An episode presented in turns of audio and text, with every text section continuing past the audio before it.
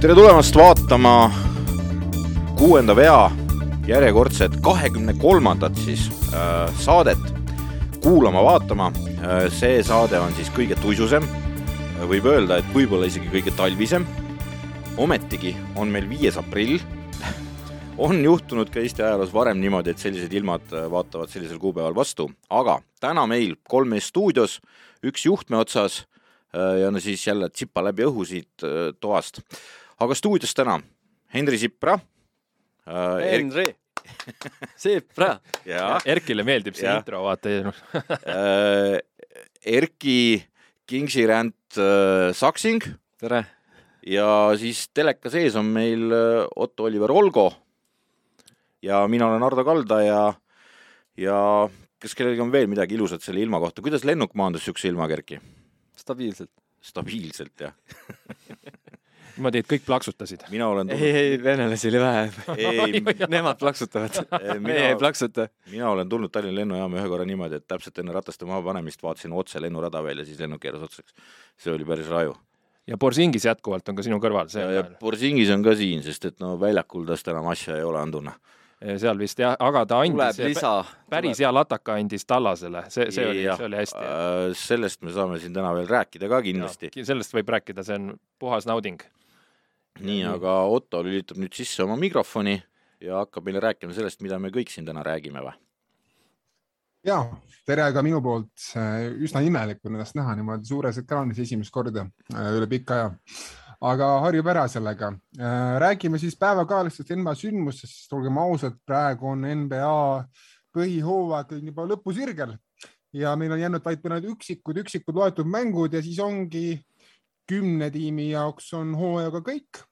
Äh, nendega liitub kohe veel neli tiimi ja siis ülejäänud kuusteist tiimi hakkavad võitlema NBA tiitli nimel, kes rohkem, kes vähem aga kuni sinna põhihooaja finišisirgini on veel mõned mängud jäänud ja seis on äärmiselt põnev nii idas kui läänes mitmete kohamängude tõttu äh, või noh, koha eest võitlemise konkurentsi tõttu, siis on paslik vaadata kõigile tiimidele natuke otsa ja näha, mis nad teevad.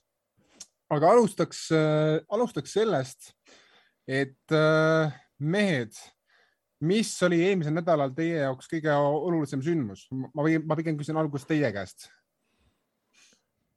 kellel on esimene mõte, no minu jaoks paratamatult oli see, et eh, Lakersiga noh, põhimõtteliselt on kõik, mingid teoreetilised variandid on, aga no see kukkumine oli, me nägime seda, aga see oli hästi selline aeglaselt uppuv laev, et Lakersi see hooaeg on siis läbi, et mina tooks võib-olla selle esile. ma, ma hakkaks nagu küsima, kas on ikka läbi, äkki Lebron? ei, ei just enne, kui me Ardo, Ardo, Ardoga ennem rääkisime, et äh, kui on veel teoreetiline võimalus, siis ma ikkagi kuningat maha ei kanna, aga kui nüüd äh, tema mängida ei saa, siis äh, loomulikult, et ja, ja Otto tõi välja huvitava fakti, et peale allstar breaki ainult Houston Rockets on rohkem mänge kaotanud kui Lakers. jah, noh, seal on see iva, mis, mis vaatab vastu nende graafikust. et need vastased, kes sealt tulevad. Bucks, Suns ja Warriors on nagu tulekul. jah, ja Mavs oli vist viimane või, oli Otto äkki? et oli Mavs oli viimane ja viimane on Denver uuesti ah, okay. ja see on ka meil pühapäeva mäng veel. jah, aga Mavericks on viimane Spursil. jah, just. ja, ja noh, seal ei ole midagi ilusat nende jaoks, et aga, aga ma siinkohal jään Erkiga selles suhtes, et niikaua, kui Lebron paneb dressi selga nii kaua ei tohi tema vastu panustada, muidugi Otto on seda teinud ja palju raha võitnud. seal on tema repu-, reputatsioon on mängus tegelikkuses, sest et äh, play-off'ist äh, ta välja on jäänud ainult ju Clevelandiga vist ühe korra ainult. no Lakersiga, Lakersiga esimene hooaeg, aga noh, see ta ei mänginud. see oli vahe, jaa, jaa. aga jah, ma, ma nagu samas Spursi seis tundub äh, turvaline, omavahelised mängud on neile ja neil on pluss üks poolteist isegi. no need Portlandi mängud tundub, et eh, kas ta nüüd võttis mõlemad juba ära, et eh, oluliselt kõik, kõik kui me rääkisime, et kõik kolm Portlandi mängu on vaja võita eelmises saates, siis eh, seda San-, Spurs tegi ja, ja sellepärast on ka see tabeliseis hetkel selline ja nüüd, nüüd on lihtsalt see, et play-in'i jõudmine on väga tõenäoline, aga edasi siis play-in'i see kadalipp on ju, kui sa kümnendal kohal oled, sa pead ühe mängu võitma, siis pead selle teise mängu ka võitma ja siis alles saad play-off'i. et ja. see kadalipp on korralik kui me Lakersi juurest korraks ära tuleme, siis on veel see Vanets, aga sellest, Otto, räägime korra vähe pikemalt hiljem vist, eks, et mm. aga mulle nagu noh, ka, ka Nuggetsi minek ilma põhimeesteta ainult Jokitsi najal on, on tegelikult olnud ulmeline läbi hooaja ja nüüd ka lõpus ikka veel see, mis Malone ütles, et see vend on otsas meil äh, jõuludeks, vist oli see jutt. oli, oli jah ja ja ei nüüd ole, ei ole otsas, noh. üks statistika ka siia kõrvale vist siin sain teiega jagada ka, aga et esimene vend ajaloos, kellel on võimalus teha kaks tuhat punkti, tuhat lauda ja viissada söötu ühe hooajaga. ja, ja seal on kusjuures kaitsenäitajad, ta on seal eespool ka nende plokkide ja, ja vaheltlõigetega, nii et ta on kõike teinud seal praegu aga.... mitte, et ta nüüd kaitsemees oleks, aga lihtsalt õigel ajal õiges kohas. ja no üks oluline moment on kindlasti džässi ärakukkumine, aga ka selle juurde me vist jõuame eraldi veel. see on Otto Eri see no Otto Ränd tuleb siit. Jokitsi puhul ma ütlen ka seda, et tal on võimalus teha läbi aegade NBA siis efektiivsusreitingu rekord, positiivne rekord. Äh, siiamaani kuulub see Jordanile aastast tuhat üheksasada kaheksakümmend seitse vist oli, aga nüüd on Jokitsil ja tegelikult Jannisel mõlemal sellel, sellel, sellest hooajast võimalik ületada, mis on ka omamoodi nagu märgiline saavutus mõlema mehe jaoks Lakersi puhul ma toon ära selle, et Lebron ju ei, pühapäeval ei mänginud äh, siis nende valutava pahkluu tõttu või hüppeliigese tõttu. ja, ja mina arvan, et see asi on päris ja, ja kui, kui see ikkagi tülitada teda piisavalt, siis ma ei tea, kas ta ikkagi paneb need ketsid jalga siin lõpuks. ma arvan, et paneb, sest tal on see skoori kuninga tiitel vaja ära võtta. aga, aga eks, eks näis, et Anthony Davis tuli tagasi ja me nägime, et Davis ikkagi noh. Davis mängib... kiirustatud tagasi või, või ma ei tea. see jalg ei ole õige. ei ole õige, ei ole, ta lonkas täielikult seal. noh, ta vahepeal ju võttis kogu aeg ketsi jalast ära ja, ja no paras, paras häda oli. Spursi sokid olid kaasas, nagu sul. jah, mul on jalas, aga see, see jah, ei, ei olnud õige. ma arvan, et see oligi mingi punnitatud tagasitulek, et et jumalast play-off'ist välja ei jääks ja kukkus veel rohkem vastupidi välja, noh, see, see ei olnud hea.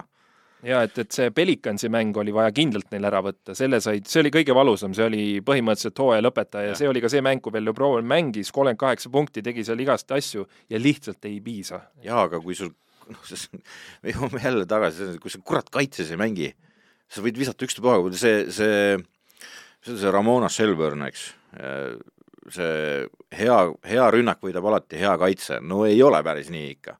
kui sa üldse kaitses mitte midagi ei tee pärast teisel pool nagu ise, siis, siis sa võid rünnata nii palju, kui sa tahad, noh.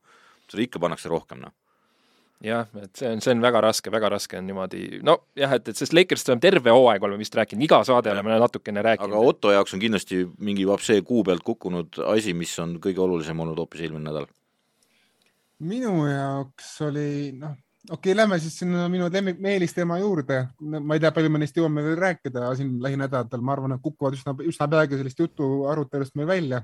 Utah Jazz, äh, meeskond, kes on ikkagi moraalselt lagunenud, äh, meeskond, kes äh, annab järjest praegu viimasel ajal mängu lõppe ära, edu, eduseise ära Su. suurest eduseisust alati kuidagi kollapsivad ja väga huvitav statistikat nägin sel hooajal on Mitch, Donovan Mitchell andnud keskmiselt kaks söötu Kobertile ühe mängu kohta ja ma ei räägi resultatiivsest söödust, ma räägin lihtsalt söödust või palli andmisest. kaks tükki terve mängu kohta läbi hooaja. ehk siis. kõigile no, teistele meestele annab enne kui Kobertile. Äh, jah, ja ma kardan, et me näeme praegu Kobert ja Mitchell'i viimast ühist hooaega Utah'is. ja siia, siia, siia kõrvale Gobert vist kuskil juba ütles, et mulle väga meeldiks Luka Dontšitsiga koos mängida ja aga ma, ma, on mõlemal nagu, kehtivad lepingud ju. kõik, kes on palli, kes, kes, kes on korvpalli mänginud, et kui põhitagumine ja põhialumine vahetavad omavahel, ma arvan, Kobert paneb kaks söötu Mitchellile vabalt iga mäng, et ehk siis, kui nad kahe peale teevad omavahel neli söötu, siis millest me räägime? jaa, aga sa siin natukene eksid, Mitchell on kaks. no vahet ei ole, ta on tagumine. üks ja viis. aga ta on põhi, ta on nagu selles suhtes, ta on tagum-, tagumise, tagaliini liider ja Kobert on siis nagu kaitse alumine liider, et nende no vahel... siin oli ju see videomaterjal oli ka, et oli otsustava viske leidmine, äh, Mitchell otsis, äh, all oli Gobert lihtsalt nagu lükkas vennad eest ära ja ta oli täiesti vaba ja talle ei tulnud söötu. noh, et, et see oli nii ilmekalt näha, et seal... no, ma kaitsen praegu asju, mida ma teile kogu aeg rääkinud olen ja keegi pole uskunud ja Otto on kaitsnud seda igatepidi, et ei, see ei ole nii taada-raada-raa ja ma olen öelnud, et tuleb anda sinna ja ei anta, ei anta sellele Goberile palli. Ja ega teised ka ei anna, Gober saab oma punktid siiski ründelauast. No. ei no Mike Conley annab, Conley on, annab, aga tema on paraku ka ainus, kes annab, et, et lihtsalt Conleyst ainukesena ei piisa ja ma olen lihtsalt nagu ise kuidagi, kuidagi olen sel hooajal nagu pettunud Mitchellist, et räägiti küll, et jah, on pärast seda koroona episoodi omavahel asjad ära lepitud, aga no mängupilt nagu ei, ei näita seda, et tegelikult kui ikkagi sa annad terve mängu kohta kaks tavalist söötu, mitte resultatiivset söötu, lihtsalt täiesti tavalist söötu. see on, näitab ikkagi igasugust usalduse puudumist ja ni, niimoodi, niimoodi ei saa rallit sõita. ja seetõttu Jazz tõenäoliselt langeb, kui mitte juba play-in turniiril, mis on ka veel täitsa võimalik, siis ta langeb esimeses raundis väga-väga kindlalt aga noh, lootus, lootus sureb ikkagi viimasena ja ma loodan, et äh, äkki ikkagi ei visise see asi tühjaks. no vähemalt on... siis üks, üks sinu OpTibeti piletitest on korstnas. muidu ja. sa võidad kogu aeg. ja, aga ja. mul on veel see küsimus, et äh, Mitchell'i ja Kuberi lepingud, millised need on? mõlemal on maks. ei tea, aga kaua need kehtivad? no Kubertil kehtib veel siin neli aastat äh, ja ta saab keskmiselt umbes nelikümmend miljonit nii et äh, see, see, see saab olema huvitav leping, mida üldse nagu vahetada ära ja kuigi tegelikult on väärt väga palju raha. Äh, ja Mitchellil on, on veel lepingud ka kolm-neli aastat, et selles mõttes, et noh. väga raske läheb. meestel on pikad lepingud, aga, aga kindlasti kosilasi jagub aga Kubert on näiteks väga spetsiifiline mängija, keda tahta niisuguse raha eest. Äh, mis sa arvad, kas seal on see variant, äh, et proovivad mõlemad turul, aga ühe ainult vahetavad ära, et noh, mõlemad. ja, ja, ja nad mõlemad kindlasti vahetavad ära, et no ma arvan, et millegipärast nad jätavad Mitchell'i, mitte Kuberti, sest Mitchell on kohalike ameeriklaste jaoks, noh, Utahi osariigi ameeriklaste jaoks ikkagi ikoon. Ja Kubert on noh, niisugune tore pikk prantslane, kes aitab meil seda kaitset üles seada, aga aga Mitchell on see kohaliku kogukonna lemmik ja ma kardan, et tema need soorituse mullis ja mujal play-off'is. no see on spekulatsioon, eks, eks suvi näitab. ja see on, see on spekulatsioon ja ma ütlen ise, et mina isiklikult, kui ma oleksin Danny Ainge, siis ma jätaks alles Kuberti, mitte Mitchell'i. aga, aga see on minu eelistus ja, ja las ta jääda, et ühesõnaga mul on lihtsalt kahju, et see Jazz nagu kas te mäletate kaks tuhat kuusteist, kaks tuhat seitseteist Clippersit või? viimane aasta, kus olid koos Chris Paul, Paul., Blake Griffin ja DeAndre Jordan ja Reddick ja Crawford ja kõik need muud äh, sägad. ka siis oli näha, et see, et see tuumik on oma aja ära elanud, nad pidevalt üksteisega nääklesid, kuidagi nagu ei tulnud neid võita ja, ja mehed olid vigased ka pidevalt nagu praegu ka džässis natukene ja no kui ikkagi mingi asi ei toimi, siis tuleb see asi nagu lõpuks äh, kuidagi ära lammutada. no vigastuse poole pealt, et äh, Clippersil olid ikkagi nagu põhivennad vigased kaks tuhat kuusteist, aga Jazzil on. ja, aga põhimõte. mul on veel see küsimus, et kui nad Kuberi ära annavad, mis sellest Jazzi kaitsest siis üldse enam alles jääb? ma arvan, et kus kusjuures mina arvan, et äkki isegi selle asub Uikaga võib seda täitsa keskmikuks, et see, see tüüp on nagu mõõtmetelt väga sarnane kutt, lihtsalt tal, tal ei ole neid instinkte ega, ega, ega muid asju nii, nii hästi, et ma arvan, et see päris põhja ei lange, võib-olla kui asub Uika saab, suudab seda koormust taluda. aga kui, kui ta ei suuda, siis, siis see langeb põhja. okei okay, äh,. Lähme edasi või? Henri, saime äh, Ardo ei, Ardo. Ardo juba ütles. ja et lähme edasi. Lähme edasi. siis lähme, lähme eelmisel edasi. nädalal siis, mis minu jaoks kõige, kõige tähtsam oli see, et äh, Fantaasialiiga kaotuspisaraid pidin, pidin, pidin ühesõnaga Lebron ei mänginud ja, ja ja asjad, asjad olid kohe halvasti ja, ja Erkil läks halvasti, Otto läks väga hästi, ma siin nägin kõrvalt, et no, tal seal Fantasy's läks meil, kuigi meil on üsna sarnased võistkonnad, me oleme erinevates liigades muidugi, aga mis seal ikka, lähme edasi nojah, Erki, kas te mängite raha peale ka või, või ei mängi raha peale ainult? au ja kuulsus ja, ja, ja ja mingi... no me mängime lisaks kuulsusele ka raha peale. no meil on ka väike, väike sihuke, et võita saab mingi motivatsioonipakett. motivatsioonipakett, just mina võitsin jah sada kolmkümmend eurot selle, selle oma liiga nagu võiduga, et aga noh, vedas ka päris palju. no see läheb teil kõik on, NBA-sse tagasi ringiga. Teil on odav liiga, et äh, me, meie, meie kunnid siin, meie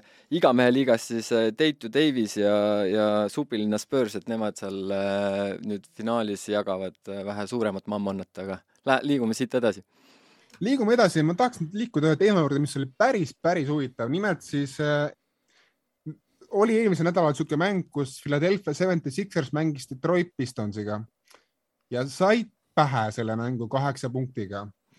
ja pärast mängu Doc Rivers ütles, et äh, Pink ei olnud süüdi, Pink, kes viskas kokku äkki mingi üksteist punkti kogu selle mängu peale ja no tegelikult mängis väga ilmetult, ütleme ausalt äh,. vaid süüdi oli James Harden, kes äh, mäng, kes viskas siis kokku, kui ma, kui ma mälu ei peta, siis ta viskas kokku kaksteist punkti ise aga pattustas mitme pallikaotuse ja siis nii-öelda tellisega. ja see oli järjekordne näide, kuidas Doc Rivers siis viskab omaenda tiimi mänge natukene nagu bussi alla, et me nägime seda eelmise hooaja lõpus ka Ben Simmonsiga. ja võib-olla seda juhtus ka Clippersis, aga mul ei tule kohe meelde et äh, mehed, kas te, kas te mäletate seda episoodi ja kui te, kui te mäletate, siis mis mulje see teile jättis? Minu jaoks oli see üllatav, sest tavaliselt Dokk on selline oma staaridele nii-öelda pepupugev treener ja toetab ükskõik mis saastanut ka ei korralda, et äh, nüüd siis nagu ja veel Harden, kes noh, tegelikult alles liitus tiimiga, et ja mi, Dokk on kogu aeg olnud suur küsimärk, et ma ei tea, kuidas teie, kuidas teile kujutate? äkki ta tahab kuhugi mujale? mul on natuke niisugune tunne ja kahtlus, et teda nagu oodatakse midagi temalt, aga ta nagu mõtleb kõva häälega kogu aeg ja sealt tuleb ikka väga uskumatuid asju välja ja arve, arvestades neid tänapäeva egosid meestel, et no Simmonsi lahkumine oli, Riversi töö oli seal suur protsent et äh, no Harden võib-olla kannatab välja, seal on teised mehed meeldivad, aga, aga noh, ma ei tea, Embiid kannatab seda asja välja, ma ei tea, ta ei ole veel kuskil kirjutanud, Embiid, temale muidugi au anda, et ta ei ole enam sotsiaalmeedias mingisuguseid asju, ma ei ole märganud, et oleks midagi korraldanud, täielik professionaal, keskendub juba teist hooaega täiega sellele mängule, tiimimängule, andke mulle relvad ja ma teen maksimummänguna. ma kuulasin seda Embiidi äh, asja Chase Redikuga, nüüd uus on väljas. ja seal oli see, et ta oma sotsiaalmeediat tõmbas kõvasti tagasi, et laste ja kõige selle kõrvalt ta ei taha sellega enam tegeleda. et postitab siis, kui midagi asjalikku on postitada, aga, aga niisama ei lahmi seal enam, et pigem no,. mäletad pigem... seda, mis ta varakult oli, ta ju kogu aeg äh, igast show'd ja, tegi seal ja ma ei tea, mingi naistele saatis DM-e avalikult ja, ja, ja no, igast nalju tegi. jaa, aga nüüd on noh, pereinimeseks hakanud ja, ja, ja oluliselt viisakam seal, aga tulles nüüd tagasi Otto küsimuse juurde äh,.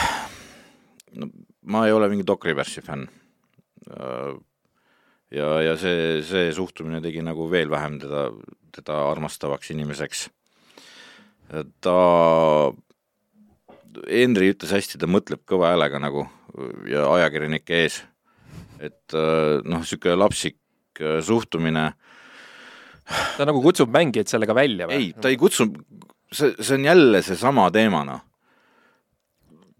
Nad kaotasid ja minu süü ei ole kunagi. ja, et poisid jälle ja, jamasid, eks. teised tegid kõik valesti, mina, ta peseb, ta peseb iseennast puhtaks äh, nagu teisi nime, nimesid kasutades, eks ole et äh, aga nii keemia ei saagi kunagi hea olla. Saama, saamata sealjuures aru, et Mori võib ta tegelikult järgmine aeg välja vahetada. jah, et seal ongi nüüd nagu see koht, et äh, ja Harden ei pruugi sinna jääda üldse, kui siin midagi head ei tule. ei, Harden jääb ikka, ma arvan. Harden jääb. see on Daryl Moori meeskond nüüd. jah, no Moori pärast ta tuli, see on selge, kes lennukile vastu läks. jah, jah, et äh, ma ma arvan, Doc Rivers lihtsalt üritab mingisuguseid jamasid. kas ta juba, juba tunneb, et see asi ei klapi neil play-off'is ka või? et pigem on hakka-, parem hakata jamasid korraldama juba praegu, et siis hiljem ei ole nii suur üllatus. ei, või nad..., või on tal läinud seal juba James Hardeniga kuskil suusad risti Uh, sest et Harden on nüüd hiljuti tulnud, eks ole, ja nüüd on, nüüd on järsku ta aru saanud, et kurat, ma ei klapi selle tüübiga üldse et äh, see nõuab mingit next level äh, taipamist korvpallist, mida Doc Hard- või Docil ei ole loomulikult. ilma Rondota tal ei ole, jah? tal ei olnud ka Rondoga, see oli Rondo lihtsalt. seal ilmselt peab ja Clippersis oli selle asja nimi Chris Paul ja praegu lihtsalt äh, no me nägime Netsis ju, et Harden suudab super hästi mängida suurte superstaaride kõrval. üks asi, üks asi, mis Philadelphia puhul on, on see, et äh, Maxi on äh, viimased poolteist, kaks nädalat äh, ka väga kahvatu väga-väga kahvatu. jaa, aga nüüd on jälle see, et Hardenile puistati näpu vahele nagu tänase korvpalli kõige suuremate nimede top kümnest kaks tükki. Ja ei kuku välja.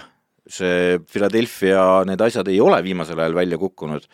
Ja jälle hakkab see tema see Achilleuse värk seal pihta, ehk siis ta ei saa hakkama nende suurte superstaaridega ja keegi vist ütles ka, et äh, Hardeni see esimene noh, see plahvatuslik samm, tal ei ole enam selline nagu mõned aastad tagasi või see Houstoni päevil, et et ta mängib loomulikult täiesti eliit, aga ta ei ole enam see, kus ta skoorimistiitleid ja MVP äh, asju. ja, ja aga me praegu räägime sellest Doc Riversi asjast, on ju, et Doc Rivers üritab oma jama praegu maha pesta kuidagi, iseennast paremana näidata ja võib-olla siis äh, ma ei tea, endale mingi parem leping kuskil teises kohas nagu võtta või ma ei, ma ei kujuta ette, mida ta teeb, aga see kõik ei ole ilus, mis ta teeb. okei okay,, ma panen mingi meta leveli veel juurde, suuromanikud meeskonnale on Will Smith ja Jada Pinkett Smith, et seal on mingi, mingi needus on praegu peal.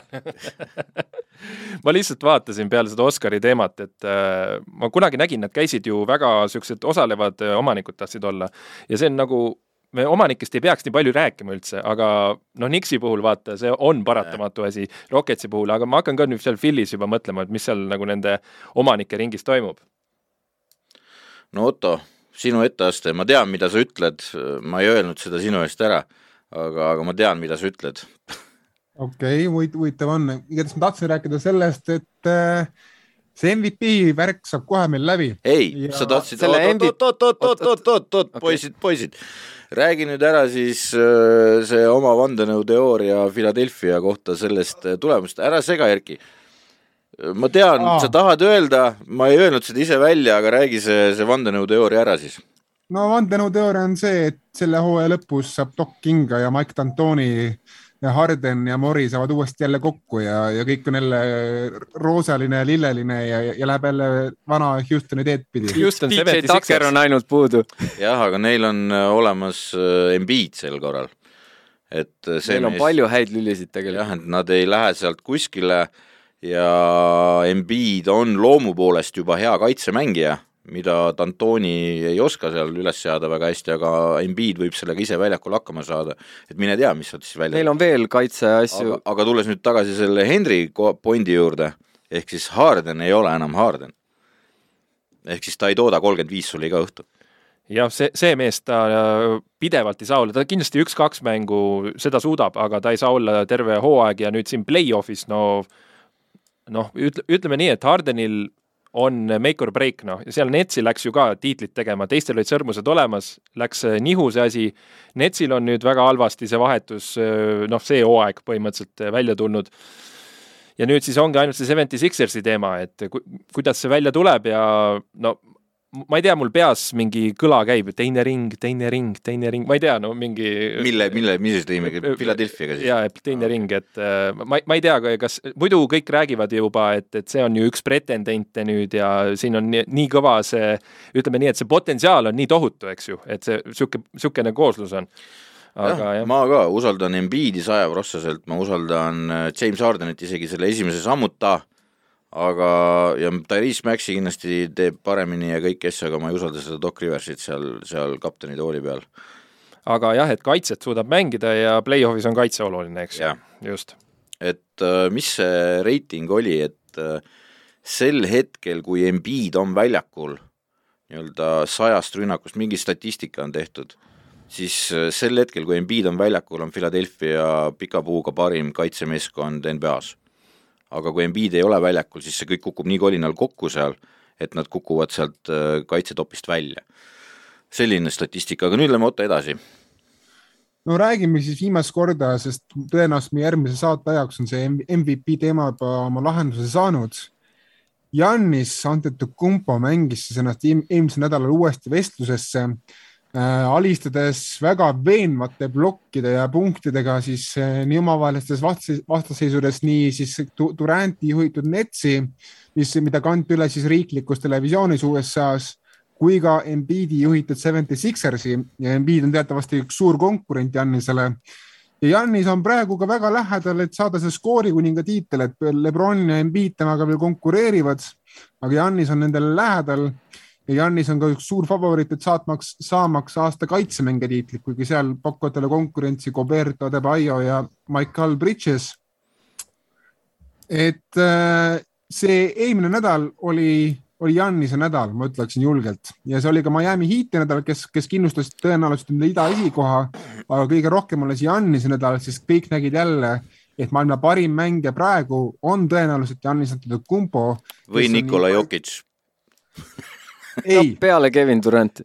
ei, Jannis on nii kaitse kui ka ründe poolel ikkagi friik omaette ja tegelikult ma ütleksin, et mingis määral andis ka paks hoiatuse, et kui on ikkagi olulised hetked, olulised mängud, siis ärge kandke tiitlikaitsjad maha. Nemad, nemad on vormis, neil on mehed eh, suuresti samad, kes eelmisel hooajal, mõned, mõned lülid on seal vahetunud ja, ja Jannis on piisavalt hea vedur, et vedada neid uuesti finaali, kui, kui vaja jah, see, mul meenub äh, sügis, kui äh, Otto ütles, et äh, me ei ole näinud Giannise järgmist taset ja nüüd tuleb nentida, et see, see mees pani kõvasti juurde ja, ja just kaitse poole pealt, et otsustavatel hetkedel ta teeb selliseid stoppe.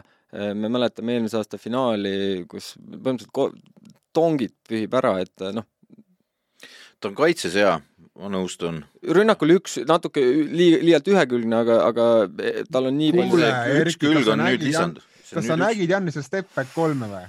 see oli üks, see oli üks kolmene mängus. üks kolmene ja see ei olnud ainuke, mida ta proovis. aga olulisel hetkel ja sellega ta läks ja. ju äh, Jabaris ka mööda. oleks võinud lauapõrkest minna. nii, aga, aga ma nagu ühe oluli-, kaks olulist momenti, ka seesama Netsi mäng näiteks äh,. esiteks Äh, Jannis tardus sel hetkel, kui KD tema vastu mängis. ta ei läinud enam sinna peinti, ta ei julgenud. et kui tähelepanelikult vaadata, kus hakkas Jannis mängima siis, kui KD oli väljakul. ehk siis äh, nad olid huvitavalt lahendanud, et äh, äh, Netsi poole pealt Jannist kattis KD, teiselt poolt KD-d ei katnud Jannis. et äh, ma ei tea, mis teema neil seal omavahel või, või mida see Jannis sellega nagu üritas, eks ole mul tuleb meelde alati see, et äh, kust tuleb nagu see, et kes on parim mängija või, või mida iganes, on ju. ja siis kõik äh, nagu mängijad, kellega on tehtud intervjuu ja kelle käest küsitud on, siis, siis see vastus on alati see, et äh, see on see mängija, kes olulisel hetkel äh, võtab palli oma kätte ja paneb ära, eks ole, või tahab ära panna vähemalt, andke pall, ma panen ära ja teine moment on see, et äh, enne mängu algust riietusruumis ta ütleb, et äh, ütleb järg-, vastasvõistkonna parima mängija kohta, et I got him, mina võtan teda. no see egode värk, eks. egode värk ja millegipärast seekord ei olnud nii, KD oli seda, noh, okei okay,, Jaanis pani ikka nelikümmend vist onju, aga, aga noh, see lihtsalt see iseloomu muutus Janise mängus, kui KD tema vastu, tal justkui niisugune tunne, et ta ei julgenud minna sinna alla, et ta muidu, kui, nii kui KD-d ei olnud vastas, nii ta müristas sinna alla välja, tampis imelike kohtade pealt pealt sisse, eks ole, laua tagant vajutas ära. aga KD puhul ongi see, et äh, samasugused gabariidid tulevad vastu, veel plastilisem ja ka kaik... ei ole plastilisem oi, oi, oi, oi. KD on, KD on märksa li... palju, palju parema, palju paremini liigub platsil kui ja, ja ärge unustage ka eelmise aasta kaitses. play-off'i, seal oli päris kõva seeria neil, vaata see, kus see jala, jalg äh, paar senti ei puudu. Äh, see, see moment on ju, ja siis üks moment, mis on oluline minu arust selles MVP või siis nagu parima mängija selgitamisel, on see, et sa teed meeskonna enda ümber paremaks. Äh, Jannisel ei ole see nii tugev külg kindlasti kui näiteks Jokitšil. jaa, aga, aga on tugevam külg kui võib-olla selle hooaja põhjal Durandil? ei, Durand ei ole üldse jutuajamises seal, meil on jutuajamises Embiid, Jannis äh,. aga nüüd me Jokic. räägimegi sellest, et kui nagu üks-ühele parim mängija on siiski mina panen KD ettepoole kui Giannis. no seal on need kategooriad. see ei loe, selles mõttes me räägime praegu MVP-st. no MVP, MVP, MVP reisis on äh, kolm meest, kolm no, meest on sõelal. Äh, Embiidil on see, et äh, ta praegu püüab olla viisakas ja kõik perevärk, aga kui nüüd see hooaeg pekki läheb, küll ta järgmine hooaeg on seal Hardeniga koos stripiklubis. see selleks Giannis, Giannise puhul on see, et väga suured võidud saanud ja, ja Giannis jääb teiseks suure tõenäosusega, sest et kui nüüd Denver tõuseb ta on üks võit maas. ei ei kaks võitu, kaks võitu on maas praegu. Denveril neli mängu jäänud, et noh, vahet ei ole. Jokic, Jokic ja Giannis on ahead of the others. no ma ei tea, Henri, ütle sina midagi, kes MVP-ks saab? No... see Janise, ma tean, see Janise tulek selle eelmise nädalaga, et kui me vaatame kogu aeg neid Kiia MVP reise, eks ole, NBA kommist, eks ole, et kus nad siis on parasjagu, Janis kindlasti nagu virutas sealt kõvasti ettepoole aga noh, tähendab kõvasti ettepoole nad ei saagi liikuda, ta ongi kõik esikolmik. küll on nagu see, et, et kes siis saab, kes, mis sa arvad, kes sinu arust peaks saama? ei no praegu on ainult meedia see furoor on üleval, aga Jokic saab, et see, see on selge juba põhimõtteliselt, et eh, Jok-, Jokiciga ja siis eh, see defensive player of the year läheb Janisele eh, ja ma nagu arvan. lohutusauhinnaks siis? ei no ma ei tea, kas tal, tal vist ikka mõned on all ka. ei, üks on all. üks on all, aga et ta saab ilmselt selle scoring tiitli ka, kui Lebron ei saa seda, tal see jalg on ikka väga, väga kehva seal all, et äh, ilmselt teeb selle Jannis ära äh,. aga parem meeskond lõpuks on loomulikult Paks äh,, et praegu ongi see noh, Denveri teema, Porter juunior tuleb et neid, neid liikuvaid osi on liiga palju, et siis äh, ja Jokicit, no teda ei, ennast räägime, ju... ei, me räägime MVP-st praegu. no MVP mõttes Jokicit ennast ei huvita, teda huvitab lihtsalt, et läheks äh, Denver Nuggetsi võistlevalt hästi ja tal ei ole muud varianti, kui ta peab mängima nagu loom ja ta teeb seda lihtsalt. ehk siis, et kui äh, Otto rääkis seda, Jannise nädal oli küll, aga samal ajal ju Jokis tegi ikka kolmkümmend kaheksa, üheksateist mänge, no sinna metsikult sööte juurde, vahelt lõiked plokid ja kõike noh. sest et noh, minu isiklik arvamus on see, et äh, kui need inimesed ei vali Jokicit, äh, kui sa vaatad tervet hooaega, mismoodi üks mees on mänginud, tassinud üksinda seda kuradi sitarida, mis neil seal meeskonnas on, sest ülejäänud on kõik haiged, vigastatud ja, ja ma ei tea, mis neil kõik häda on olnud, eks ole, et äh, ta on üksi tassinud, ta pidi olema otsas omadega juba treeneri sõnul jõuludeks, pidi kõik läbi olema, istub kuuse all oma vendadega ja, ja räägivad, moriseb endale lugusid. aga ei, näed, ta on siin, mängib ja mismoodi veel mängib. ja kui kuradi Ameerika ajakirjanikud ei anna talle ära seda, siis no ma ei tea, mis korvpalli teie siis vaatate ei, nagu? no seal ajakirjanikud ju, need on USA ajakirjanikud, neid hakkabki huvitama see, oo, ta tegi kaks tuhat punkti, tuhat lauda ja, viissada söötu.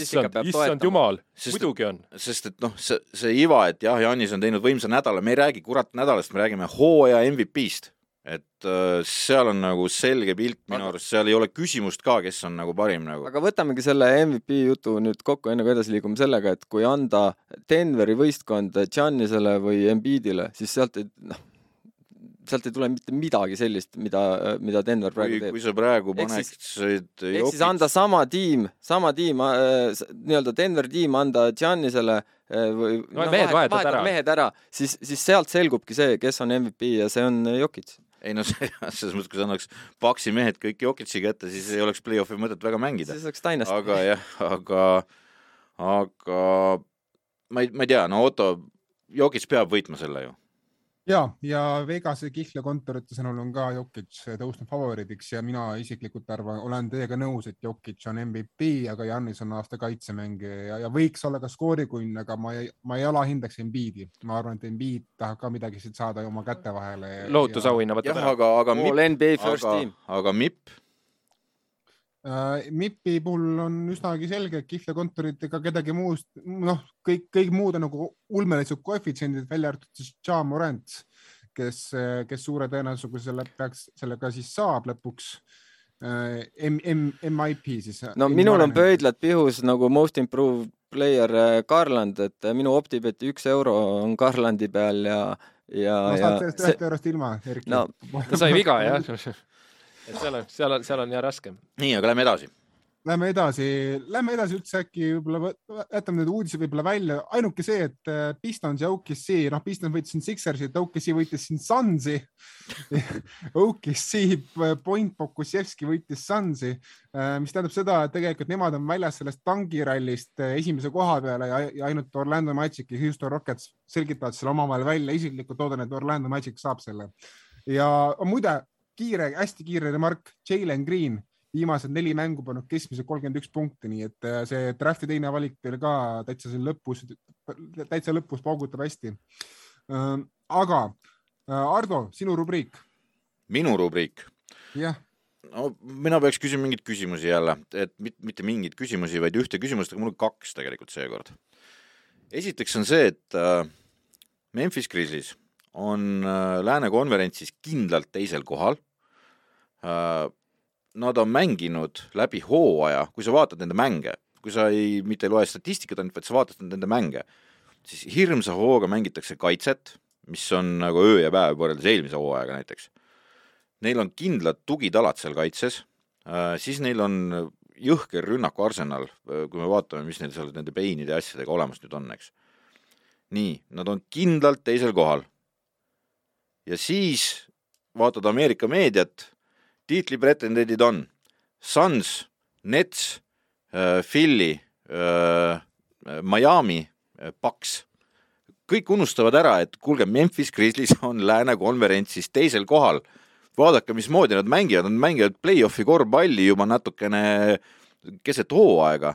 et miks see nii on, miks neist äh, mööda vaadatakse, on minu küsimus no ma praegu vaatan, nad on siin lõpus ka seitse järjest võitnud ja vist lääne, lääne parim ka praegu nagu selle võiduseeriaga.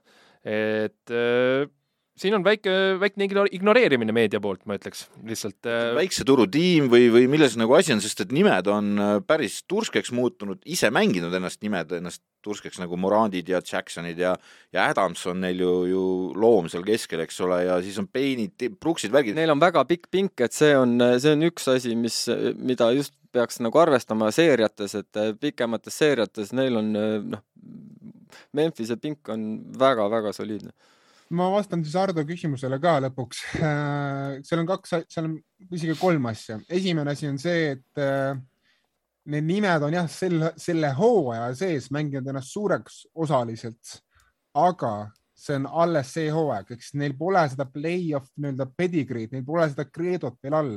Neil on, neil on üks nii-öelda AFC seeria eelmisel aastal Jazzi vastu, kus nad said tappa neli-üks ja see on ka kõik praegu, et nad peavad, nad peavad ennast play-off'is suureks mängima ja siis hakkab meedia nendega arvestama.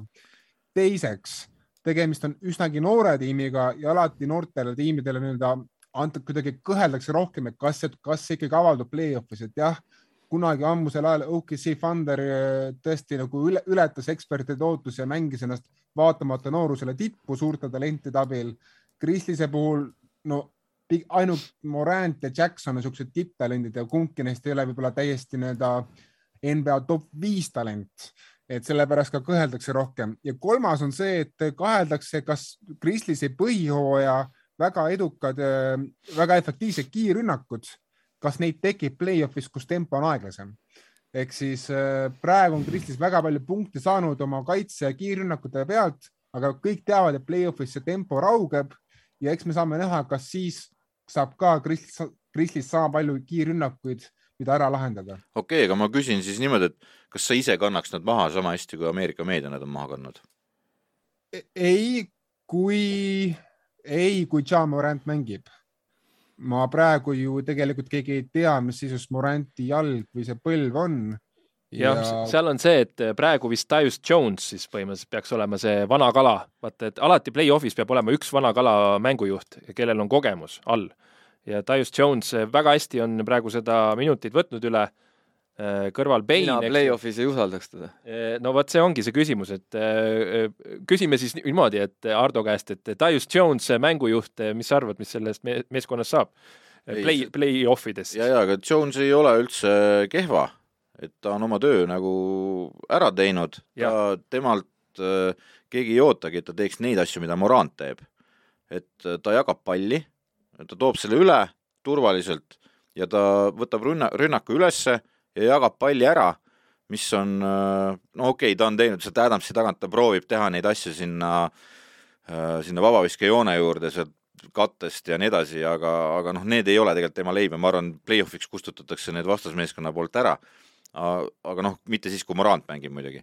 aga, aga muidu, kui Jonesi peale peaks panema, et kui ta jagab palli ja olgem ausad, palli on kellele jagada, siis ja Dylan Brooks ei võta mingit hullu sealt, eks, siis miks ma ei usalda teda? aga võtame siis äh, võib-olla sammu edasi ka, et äh, kaks ja seitse, eks ju, kohad mängivad ja seal on see, just mõtlesin sama asja. et äh, Minnesota ja Clippers, eks ju, lähevad omavahel praegu mängima, kes saab selle seitsmenda koha.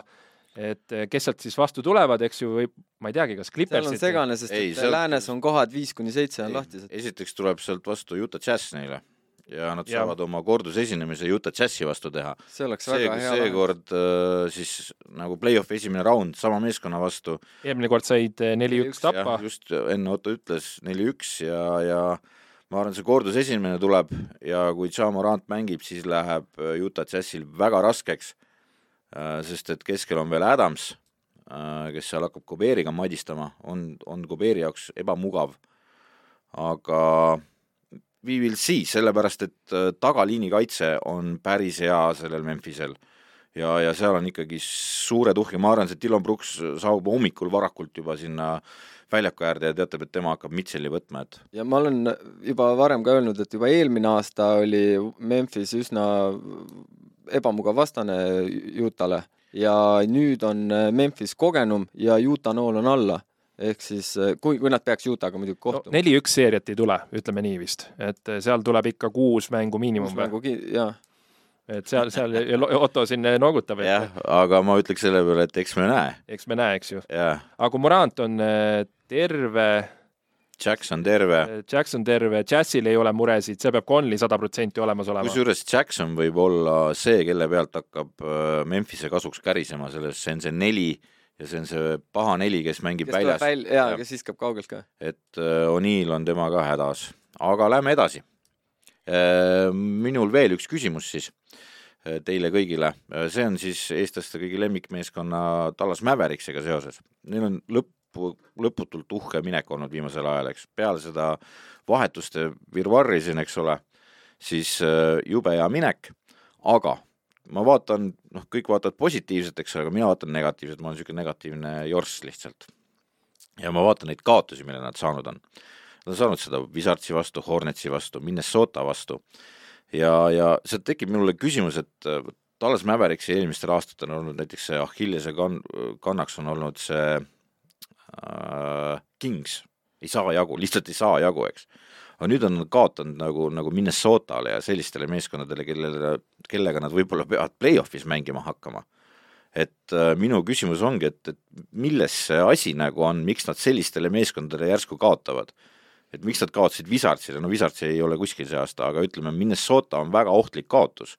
Minnesota ongi tugev. Minnesota on tugev, aga Dallas Mavericks on, tuleb tõenäoliselt kolmandaks sel hooajal läänes. noh, esinelikus No neil- neil- jaa, posi- esinelik on esimese kindel, positiivse juures nagu. no Tallas tundub nagu kohati, no siin on, kui need kaotused nüüd ette võtta, eks ju, Wizardsile kaotas selle Borsingise vahetuse tõttu, seal võeti isiklikult see mäng, samal ajal kui Tallas võib-olla nii, no mitte, et ta oleks võinud seda kaotada, aga võib-olla läksid natukene oli haavalt peale. naljavad peale, eks ju, samal ajal Wizards tuli umbes nii, et see on nende hooaja kõige tähtsam mäng, no enam Neil ei olnud midagi kaotada, eks ju enam ja võisid iga, teha seal imeasju ja vist Colvin Pope pani hullu, Borsingis pani hullu ja seal kas Kuusma või keegi oli veel igatahes, et mehed läksid järsku särama.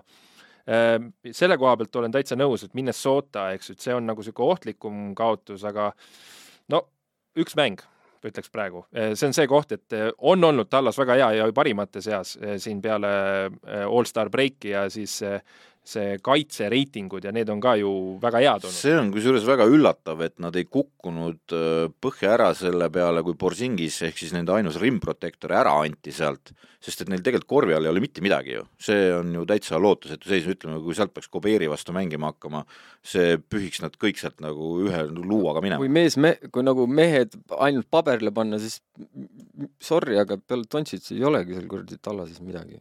No on, on noh, kui me võrdleme te,, teistel meeskondadel on kaks-kolm allstari nagu selle nurga alt. no Dinvidi tulek on väga hea olnud. ja, ja, ja teise, teiseks on ennast Prants on sellel hooajal ikka päris kalliks mängijaks mänginud. Neil on puudus Hardaway'st, Hardaway on puudu jah, et, et ma ei tea, kas nad see Bertansi on nüüd käima saanud normaalselt? ei ole Ei ole märganud vist.. mingid visked mingid, mingid mängud on olnud, ma olen vaadanud mingit statistikat, et, et tal käib see jube üles-alla muidugi, eks ole.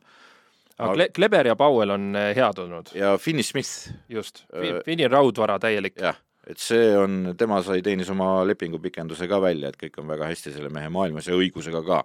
ja tegelikult on Finney Smith ka kaitsemängus täitsa tipp-topp vend. et äh, mis play-off'is saab, on minu jaoks nagu, nagu küsimus, aga, aga need lambi kaotused äh,, lambi hetkedel kodus veel ja, ja nii edasi, et need kergelt tõmbavad nagu hirmu nahka vaadates, et mismoodi nad siis edasi. aga ma küsin nii, et mida sa rohkem kardaks, kui Borsingis oleks ikka alles, siis sa ju kardaksid hoopis seda, kas Borsingis terveks jääb. no et siis oleks ju, no mis see viimase play-off'ide häda on olnud, eks ju. jah, jah, kogu aeg vaatad, kas midagi läheb jälle katki, eks ju. no kui ta kukkus, siis me ju alati hoidsime ju hinge kinni nagu Anthony Davisega praegu, eks ju. noh, et, et seal on see moment, et lihtsalt oli vaja niisugust raudvara meeskonda. jah, sorry, KP. Sorry, sorry, KP. Sorry selle, jah. meeldib meile hoiame sulle pöialt, äh, läheb hästi. veri on paksem kui vesi. just, aga ei tulnud, ei tulnud. no oli kogu aeg katki ja loodame, et nüüd seal uuesti läheb ja Dinvidi, nüüd on ju mitu mängu on äh, näha olnud, et Luka Dontšis usaldab, kui on viset vaja ära anda, talle tuleb neli või ma ei tea, kolm või neli meest peale, leiab sööduga Dinvidi ja paneb ära. Ottot kuulame ka, vahepeal täitsa vait seal last, lastetoas Mäveriksi osas Mäveriksiga ma, mul on lihtsalt niisugune wait and see nüüd lähenemine, et äh, on juba piisavalt nähtud neid Luka tiime play-off ides ka NBA-s, noh, küllap näeb veel kümme aastat veel, aga, aga noh, Jason Keat vajab, vajab enesetõestamise hetke ja ka tegelikult, tegelikult vajavad ka need kõik mehed Luka ümber play-off ides. nii et äh, ma isiklikult arvan, et kui nad lähevad siin kokku Nuggetsi või Jazzi või Timberwolvesiga on, on neil väga head šansid lõpuks esimese raundi needus murda. Aga isegi, isegi jõuda teises raundis ka edasi, võib-olla kui nad saavad selle kolmanda siidi kätte. ja Sunsi väldivad. jah, kui nad Sunsi väldivad jah äh,. aga, aga see, aga see teekond saab olema pikk ja käänuline nii et äh, ma, ma ei hakka siin spekuleerima eriti Mavsiga.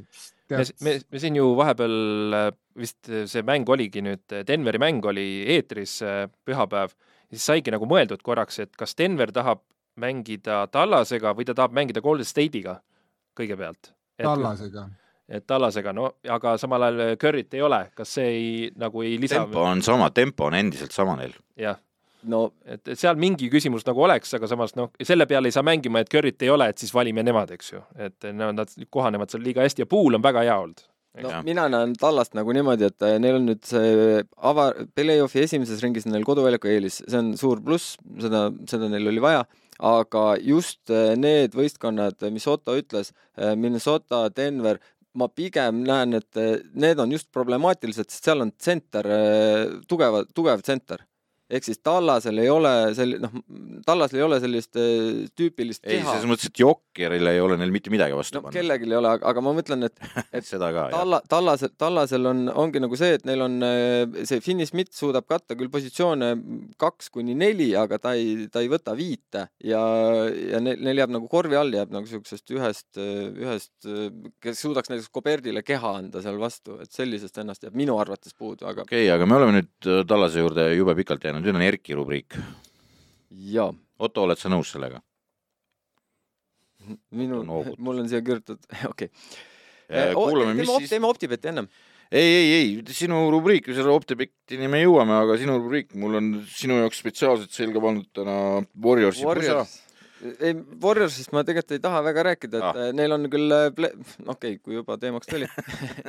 Ehk siis äh, ehk siis neil on play-off'i esimeses ringis koduväljaku eelis, aga, aga noh, esim-, ükskõik, kes neil sealt vastu tuleb, midagi, midagi lihtsalt sealt ei ole tulemas. Ja, ja kui nad esimesest ringist edasi pääsevad, siis äh, teises ringis ilma Carrita, noh, on, on, on raske neil no esimene ring, oota, kolm ja kuus mängivad, eks ju. ja neil olema. praegu tuleb nagu Nuggets, aga Nuggets ei. ei, ei, Jazz tuleb praegu. et oleks kolm ja kuus, äh, siis oleks Jazz. Äh, Jazziga võib-olla tahaks täitsa mängida. Äh, jah, ma arvan, nad tahaks. et, et, et see, seal nad peavad küll nüüd kinni hoidma sellest väga. aga Erki, tee oma rubriiki nüüd. ja tegelikult ma kirjutasin üldse välja niimoodi, et äh, miks mehed, ruukid ja kõik noored mängijad saavad vigastada et äh, selle, selle hooaja viiest äh, parimast ruukist kõik on olnud out lühemat, pikemat aega. et äh, Wagner ka või? no nüüd, nüüd Wagner on, Wagner, ma arvan, et ei tulegi enam see hooaeg mäng, mäng tagasi, sest et Orlandol on vaja tänkida, et kumb nüüd võidab, kas Rockets või, või Orlando, et mõlemal on kakskümmend võitu ja siin tegelikult see teema on käsitlust saanud, ta ei ole väga populaarne, aga see on see tulevad äh, mehed sealt ülikooli liigadest ja lõhutakse ära. no see lihtne teema nagu, eks ju. edasi on siis see analüüsi pool, et äh, kui palju nad mängida saavad, eks ju, kohe seal esimesel aastal. miks nad kohe katki lähevad, no ongi, liiga palju mängivad kohe noore mängumehena, noh, seal. siin on ja Morant oli ka ju teisel, oma teisel hooajal oli põhimõtteliselt üle poole hooajast out'i, et, et kõik, kõik noored on äh, väga vigastuste altid kuigi eh, kor-, NBA on läinud, ei ole enam nii kontaktne kui ma ei tea, kümmekond aastat tagasi. no sa pakud mingisuguse lahenduse sellele äkki? või siis sa küsid lihtsalt seda? küsimus ongi nagu see, et eh, need võistkonnad, kes eh, nüüd play-off'is saa-, näiteks Cleveland, väga palju sõltus Moblist, see on nüüd out ehk siis eh, need, need ruukid, kes, kes mängivad eh, play-off tiimides, eh, on nii kandvates rollides olnud ja nüüd play-off'is on nad väga haavatavad seetõttu. no seal on tõenäoliselt kaks asja. esiteks, sa oled hea rukki näiteks, siis noh, sa tõid selle Moranti teise hooaja näiteks, eks, siis sa ei üllata kedagi seal enam. sind võetakse füüsiliselt, sind võetakse hästi ja, ja sul noh, rukid pannakse paika antakse keha õigel hetkel, lähed katki, lähed katki, see on sinu probleem, et sa ei teadnud, et sa sealt katki lähed.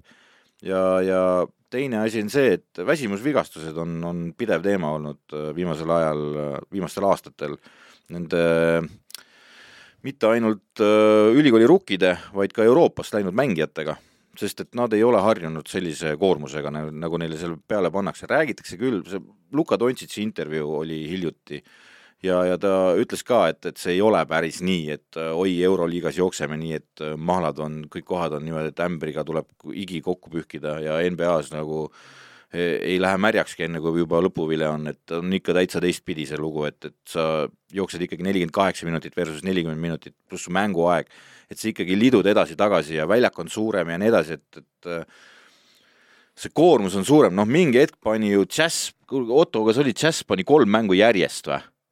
Oli vist nii või? noh. ehk siis see minu, minu rubriigi nagu teema on see, et vigastused ja just näiteks paljudel meeskond, näiteks üks küsimus ongi Memphisel, kuidas see Jared Jackson juunior, see, see on ka vigane, siis ta on jälle terve, aga kui see lüli ära võtta Memphiselt, siis no Jalen Jacksonil on pigem see keha probleem, et ta peab natukene liha peale panema, et ta on ikka täitsa piits praegu, et no, Moblil on sama asi, Moblil, Moblil kusjuures Jacksoniga on veel see, et ta pigem on see, et ikka veel on. ja selle Jacksoni pikkuse juures võib tulla seesama KP küsimus jälle, et mis on siis sellise mehe jaoks nagu see mängides nelja peale, eks, kus on liikuv füüsiline vend, näiteks nagu Jannis sul vastas mida sa, mis, missugune sa siis välja pead nägema, samas Janis on sul kõrval, kõrval näiteks on ju, see tuli ka ju nagu Keenia jooksja sinna NBA-sse. jah, aga no tal ikka tuli päris kaua putru süüa, et ja. Äh, hakata ja siis tal põhiline, tal vise oli ju alguses äh, hea äh, kolmesaja tagant, no mitte hea, aga niisugune rahuldav. aga nüüd siis pani liha peale, siis hakkas jälle uuesti viset, eks ju, treenima no,. jah, seal on see, kui sa paned liha peale, siis on see kiiruse ja kõige selle muutused on noh, üldfüüsiline nii jalgades kui ka, kui ka kätes, eks ole. aga et kui järgmise aasta draft'i veel otsa võtta, siis no mina enam kunagi ei ole nõus võtma noormängijat, et, et ta tõlgendub NBA-s, näiteks Holmgren, tema kehatüüpiga mees, eks see saab esimesel hooajal vigastada. no et ei tea, ei tea, eks ju, aga, aga kui sa vaatad talle peale, see tundub väga tõenäoline, sama nagu noh, samasuguse kehatüübiga natuke nagu Pokuševski, eks ju no,. see Pokuševski on eraldi teema. sellest on... kaelkirjakust ma ei taha midagi rääkida ma kasutaks siinkohal ühte legendaarset Aivar Kuusmaa äh, krõbedate kohtunike kohta, aga las see, las see, las see fokusseerib. see, see on seesama jälle, kui see Vembajaama tuleb, eks ole, jälle seesama teema. jah, Vembajaamaga ma võib-olla oleks natukene, usaldaks rohkem, et tal võib-olla noh, teda on rohkem ette valmistatud võib-olla selliseks mänguks äh, seal. no tal on Parker, kes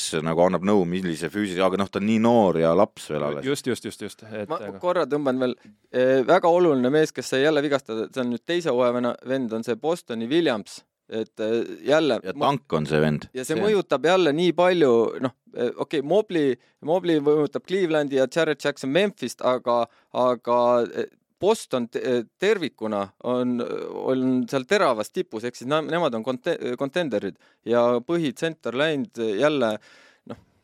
Nad nüüd tundub, et nüüd nad äh, stabiliseerisid ära, et nad olid, viimane meie saade, nad olid esimesed, nüüd nad on teised, kaks mängu maas, aga ikkagi kaks on järjest võitnud. no ma, ma ei ole praegu seda graafikut vaadanud, mis seal vastas olid, aga kaheksa-kaks on viimased kümme mängu. et Boston äkki mõtleb midagi välja ma olen sellest rääkinud, ma olen sellest rääkinud mingi mitu aastat juba Eesti ajakirjanikele, et äh, NBA korvpall, jah seal on nagu kaitses omad nõksud võrreldes Euroopa ja maailma korvpalliga, aga see, kui palju on NBA-s neid kiirendamisi ja pidurdamisi ja, ja, ja, ja järjest sa pead olema võimeline katma, minema kattes kattesse, minema kaasa maailma kõige kiiremate mängumeestega, kogu aeg pidurdama, siis jälle spurtima, jälle pidurdama korvi alla. Ja siis jälle spurtima uuesti välja, kiirrünnakusse, ruttu spurdi. et ühesõnaga see metsik kiirendamine, pidurdamine, mida ei olnud üheksakümnendatel, nullindatel, kaheksakümnendatel ka mitte. see on ropp koormus kehale ja sellepärast me näemegi rohkem vigastusi. lisaks ameeriklaste puhul mängib siin veel eraldi rolli see, et kogu see noorte korvpallisüsteem on täiesti ajuvaba seal, et seal mängitakse ka niivõrd palju mänge juba, juba noorte korvpallis et kui nad jõuavad NBA-sse, on, on nende kehad sisuliselt siukse nagu kolmekümne viie aastase mehe nagu katki minemise ääre peal, osadel, osadel noortel meestel. ja, ja aga ülikoolis ei ole neil nii palju mänge. ja ülikooli, ülikoolis, ülikool on see, see korv, kas te nägite seda NCAA finaali või? ma vaatasin klippe, no see on, see on patsutamine, see ei ole, see, see on patsutamine. see ongi noorte korvpall, aga seal ei mängigi. aga üks sihuke hea ütlus on ka ju, et NBA on atleetlikum ja Euroliiga on füüsilisem. vaata, et need on kaks kaks eraldi asja, et noh, et üks on nagu sihuke ütleme siis nii, et niisugused äh, äh, ässakad mehed muravad, panevad seal küünarnukiga, see juhtub võib-olla rohkem Euroliigas, aga see seal NBA-s, sa pead jooksma nagu kaelkirjak kogu aeg, noh. okei okay,, aga nüüd Erki, teine fakt. mis fakt? teine pool on siis see, et ma vaatan juba nagu play-off'i suunas ja, ja kui peaks, noh, kui peaks juhtuma, et Nets või äh, noh, hoia, hoia, kui Warriors peaksid äh, finaali saama, siis mul tekib küsimus, et äh, siis sellel põhiturniiril ei ole nagu noh, tegelikult ju mitte mingit kaalu.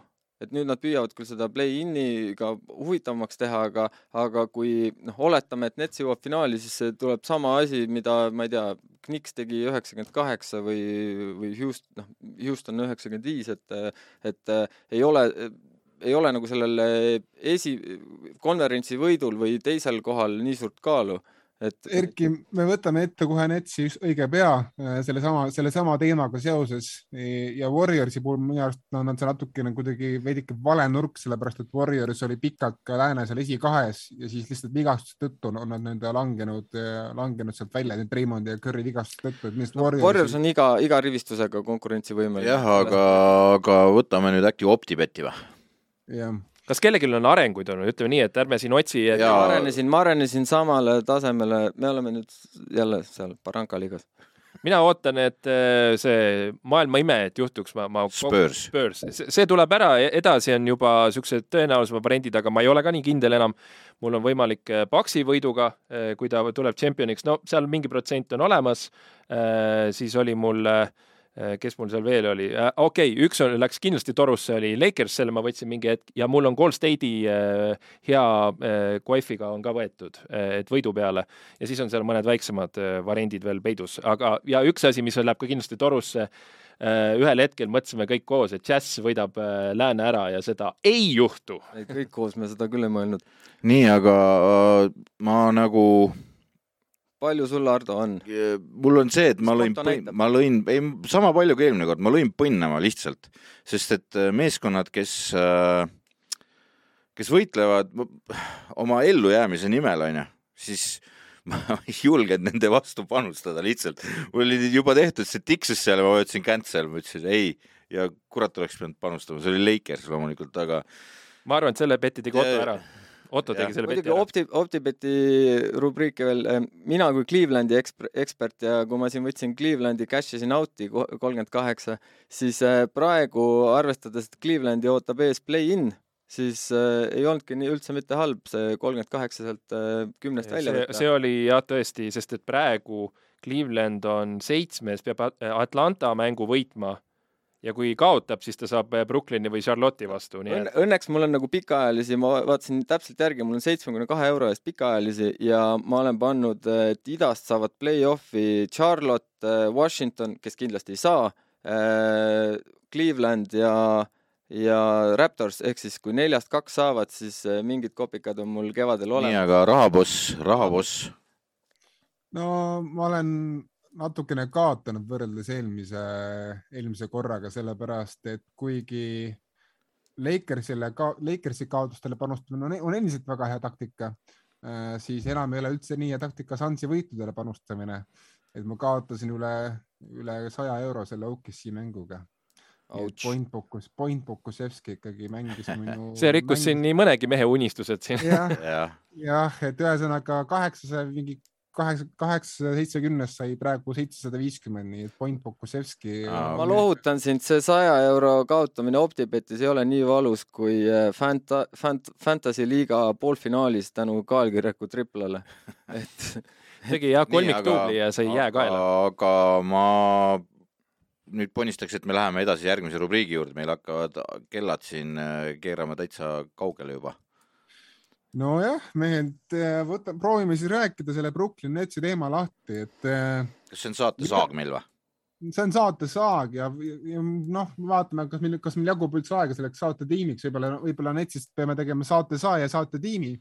nimelt siis mina enam ausalt öeldes väga aru ei saa, miks enam Netsi peetakse tiitli favoriidiks ja miks ma seda ütlen on sellepärast, et meil on terve hooaeg juba näiteid sellest, kuidas Netsi mängupilt on päris heitlik, see on tõsi, see on vigastuse tõttu, aga pange sinna juurde ka patta ka see fakt, et meeskond pole saanud ehitada mitte mingisugust ühtsustunnet, neil pole mitte mingisugust äh, pikaaegset klappi omavahel ja arvata, et see kõik laheneb justkui võluväel iseenesest play-off'is, no sorry, aga minu arust see on naiivne, see on nagu väga naiivne mõtlemine tõesti Duranti individuaalne talent on nii hea, nad võivad, nad võivad saada teise raundi, kui nad, kui nad üldse play-in'is saavad edasi, mis on ka tegelikult kahtlane minu jaoks. Äh, aga, aga kindlasti mitte finaali, sellepärast et sellel meeskonnal pole ühtsusvaimu. Kairi Irving, kes on mänginud siin poole kohaga kolmandik hooaega ütleb, et tal on koormus liiga suur ja ta, ja ta üldse nagu miks, miks nii palju mänge on.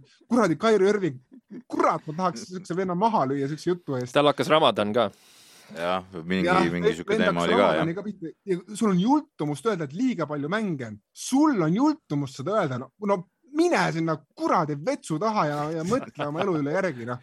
ja põhiline, on... seal on kaks meest veel. Ju, Ben Simmons ju, kes ei mängi see hooaeg, noh, vist on juba teada, eks ju. Yeah samal ajal tegelikult tema põhimõte on see, et ma saaks neid kakskümmend milli kätte, mis mulle ei makstud, selle eest, et ma ei mänginud. Yeah pidi Philly vist kohtusse kaevama sellega. E, ja tal on mingi klausel, et e, põhimõtteliselt, et ta nüüd nurub seda raha välja, mida ta ei olnud nõus välja mängima. ja, ja jutt käib kahekümnest miljonist dollarist. no aga samas ta mängis ju oma rolli välja et.... ei, ta mängis lolli no see oligi ta roll. kloun. aga. ma tahan veel rantida, et siis on veel Eestis korvpallifänne, kes ütlevad, et oi, Kairi Irving seisis oma põhimõtete eest. mis kuradi põhimõte see on, sa pead oma ego kõrgemale tiimist mis kuradi põhimõte see on, see ei ole, kui see ei ole mitte mingi meeskondlik põhimõte, see on mingi kuradi isikliku ego rahuldamine. Need inimesed, kes, kes kiidavad Irvingut, jäid oma otsusele lõpuni truuks, see on üks põhjustest, miks Nets üldse siin hakkab kõrbema siin, küll te näete. kindlalt kümnendal kohal praegu ja, ja, ja ma lõpetan oma randi sellega, et mina arvan, et kui nad on seal play-in'is ja jäävad sinna üheksandale, kümnendale kohale, siis pange tähele, Hornets või Hawks on võimeline nad, nad, nad ära hammustama ühe võiduni peetavas seerias. see ei ole garanteeritud, et Nets saab läbi play-in'i play-off'i. no Netsil on tegelikkuses veel ka võimalik kuuendaks teoreetiliselt tõusta, ehk siis nad väldivad. no väga nõrk tõenäosus, väga nõrk ma ei tea, kes tahab rääkida midagi Ottole vastu? ei, ma ütlen ka, et ma olen pigem selles klubis, et seda Netsi lõputult, et kohe hakkab tulema see jutt, see ei, see on täiesti mõttetu, et Durand pani nüüd viiskümmend viis vist oma karjääri kõige kõrgema ja kaotasid ikka, et no see ei ole see Nets, mis eelmine aasta et äh, Hardeniga võib-olla, aga se selle Irvinguga, kes Ramadani peab, ma, ma ei tea. no tuleb taimne vaks-, taimne vaktsiin ja, ja saab uue boost'i, aga äh, noh, Irvingust rääkides, no mina siiski äh, mina, ma ei pea teda top favoriidiks, aga, aga Nets kindlasti on äh, idas äh,, tabeliseis ei peegelda seda, kuhu ta hooaja lõpuks jõuab. et äh, noh, ka Erki veel usub, usub siis ütleme Erki, nii. Erki, aga mille pealt sa usud, mille pealt sa, kas, kas usud tegelikult ainult Duranti talendi pealt, sellepärast et äh, Irvingu tase on hakanud kukkuma? no Irvingul on ka ikkagi piisavalt talenti ja kui, kui mees on mängus sees, siis äh, ja kui ta kuumaks läheb, noh, me teame. aga ma, aga Erki. see, et ta peast on seda... kuum, see on teine lugu, et äh.... mina olen Erki paadis. Ma arvan, et äh, ma olen vaadanud Netsi nagu täismänge ja, ja päris, päris, päris mitut ja ka seesama, kui sa näiteks vaatad selle Paks versus Nets mängu, mis siin oli, eks. see oli iseenesest. see oli väga hästi mängitud mäng. mäng mõlemalt poolt. ei, ei, see oli ka Netsi poolt väga hästi mängitud Mõlem... mäng, midagi ei ole öelda, nad mängisid valitseva meistri vastu ja kaotasid äh, lisaajal äh, viimase sekundi viskest. Nad kaotasid ka noh, selle Duranti isoga seal, eks ole, aga noh, ma ei näe küll põhjust paanikaks ja, ja mingiks rändiks siin, nad, miks, miks nad ei peaks jõudma. esiteks on neil Kairi Irving, kes on võimeline siiski tegema oma asjad ära, ära hakka ohhetama seal telekas. selles mõttes, et ta teeb oma asjad ära, ma olen näinud nagu hiljuti just tema mänge, kus ei olnud nagu KD-d ja Kairi Irving võttis selle meeskonna oma õlule ja hakkas tassima, eks ole ja, ja on võimeline seda tegema. nüüd, kui KD on kõrval, siis millegipärast ta nagu toonib maha oma asju. ma sellest ei saa täpselt aru, miks, miks see nii on, aga neil on äh, play-off'iks on neil kaitsetugitala on olemas Bruce Browni näol, siis neil on äh, kaks shooterit, eks ole Paddy Mills ja, ja, ja Curry nüüd on ju, Curry ei ole veel oma rütmi päris hästi Curry leidnud. mõlemad on, mõlemad on ebastabiilsed viimat-, viimasel ajal. nii, Drummond, Claxton, korvialune on väga kindel minu arust sellega. no äh, Otto ei ole Drummondi fänn. no ei, noh, keegi ei ole meist Drummondi fänn, aga ta on sinna. keha. ja ta on keha ja ta on seal KD kõrval korvi aluses on ta päris hästi, kusjuures ma olen üllatunud, ta on rünnakul mingeid asju ära hakanud tegema, mida ta Philly's ei teinud küll nüüd hiljuti et, äh, et kui talle pall õige koha peale panna, ta on mingid asjad ette võtnud ja ära teinud, ma vaatasin, noh, seesamas Paksi mängus, eks ole, võttis hästi ette ja toimetas. ei olnud tal häda midagi, Claxton on muidugi super, mul see, see noor kutt on, on lihtsalt super.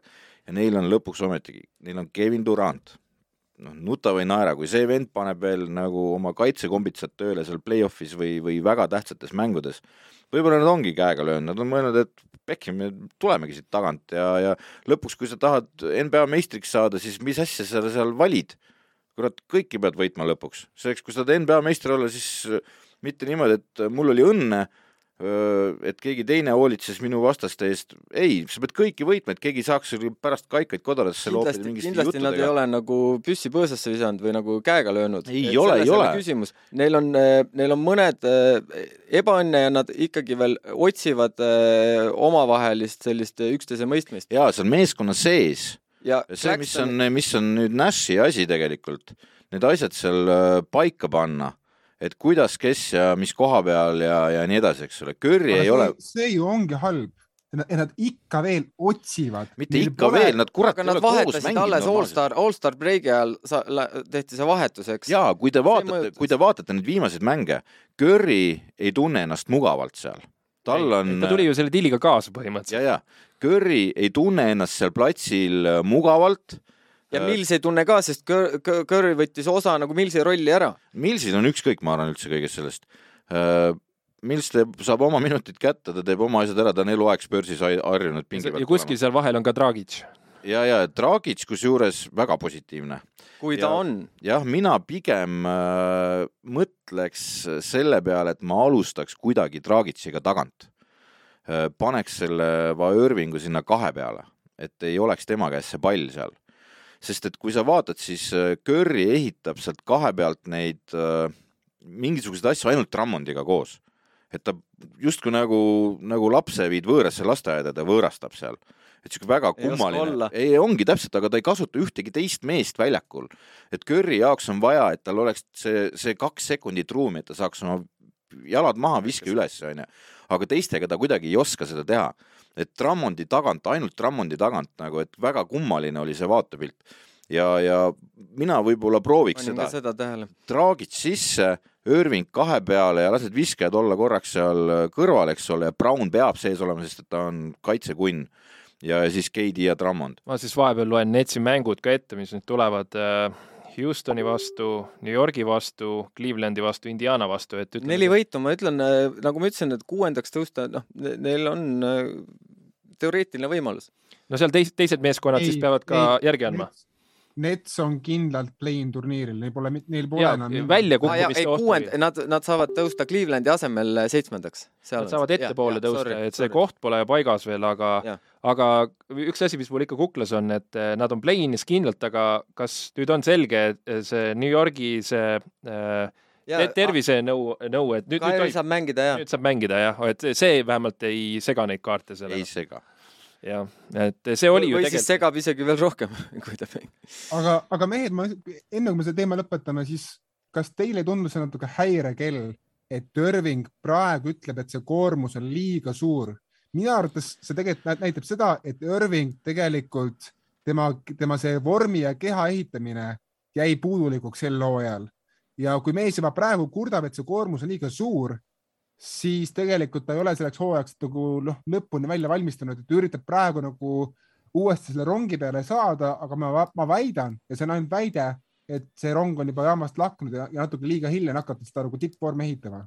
ei, selles mõttes, et sa esiteks sinu kõige suurem probleem, sinu oma Otto, on see, et sa kuuled, mida Kaire Irving räägib et äh, selle, selle paadi peal mina ei ole enam ammu, et miks ma endale mingit lora laseks. sa vaatad, mis sa teed, mis ta teeb? ja ma vaatan mängu ja siis selle põhjal otsustan, ei ole näinud küll, et tal keel vesti peal oleks hirmsasti kuskil olnud, et, et äh, ta kogu aeg see keha näeb tal ühesugune. aga, aga samas võib-olla ta ei olegi oma põhimõtetega vastuollu läinud ja ei, ei ole ikkagi nagu treenituse mõttes äh, nagu nii, nii vormis, kui ta tahaks olla ja seetõttu ta räägib, et no see Ramadan tal seda asja paremaks ei tee, sest ta peab öösel sööma vist, ma saan aru, eks ju, et äh, äh, aga siia kõrvale, et äh, ma mõtlengi nagu äh,, et no ta on nii raske inimene, keda nagu lahata, et tema ütleb, et tal on nagu raske või, või et või, palju mänge, tema on väga vähe mänginud, eks ju samal ajal on see Ramadan, et eh, nagu ra raske enda peale nagu loota, ta on nii ebastabiilne, noh. no Netsi kokkuvõtteks ma ütlen niimoodi, et äh, Kairile siis äh, Besmelahi Arahim Marham,